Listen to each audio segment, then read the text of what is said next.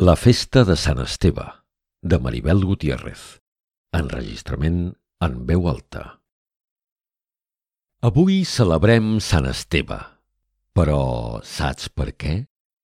Sant Esteve no ha estat sempre festa.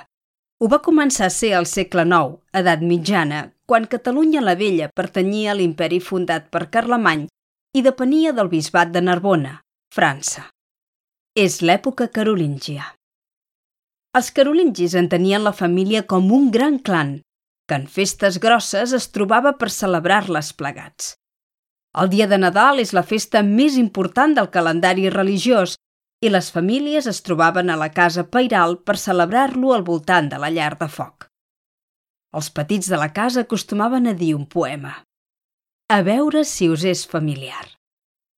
Soc petitet així. No conec ningú del món. Només el papa, la mama, les neules i els torrons. I aquí tinc una butxaqueta per ficar-hi calarons.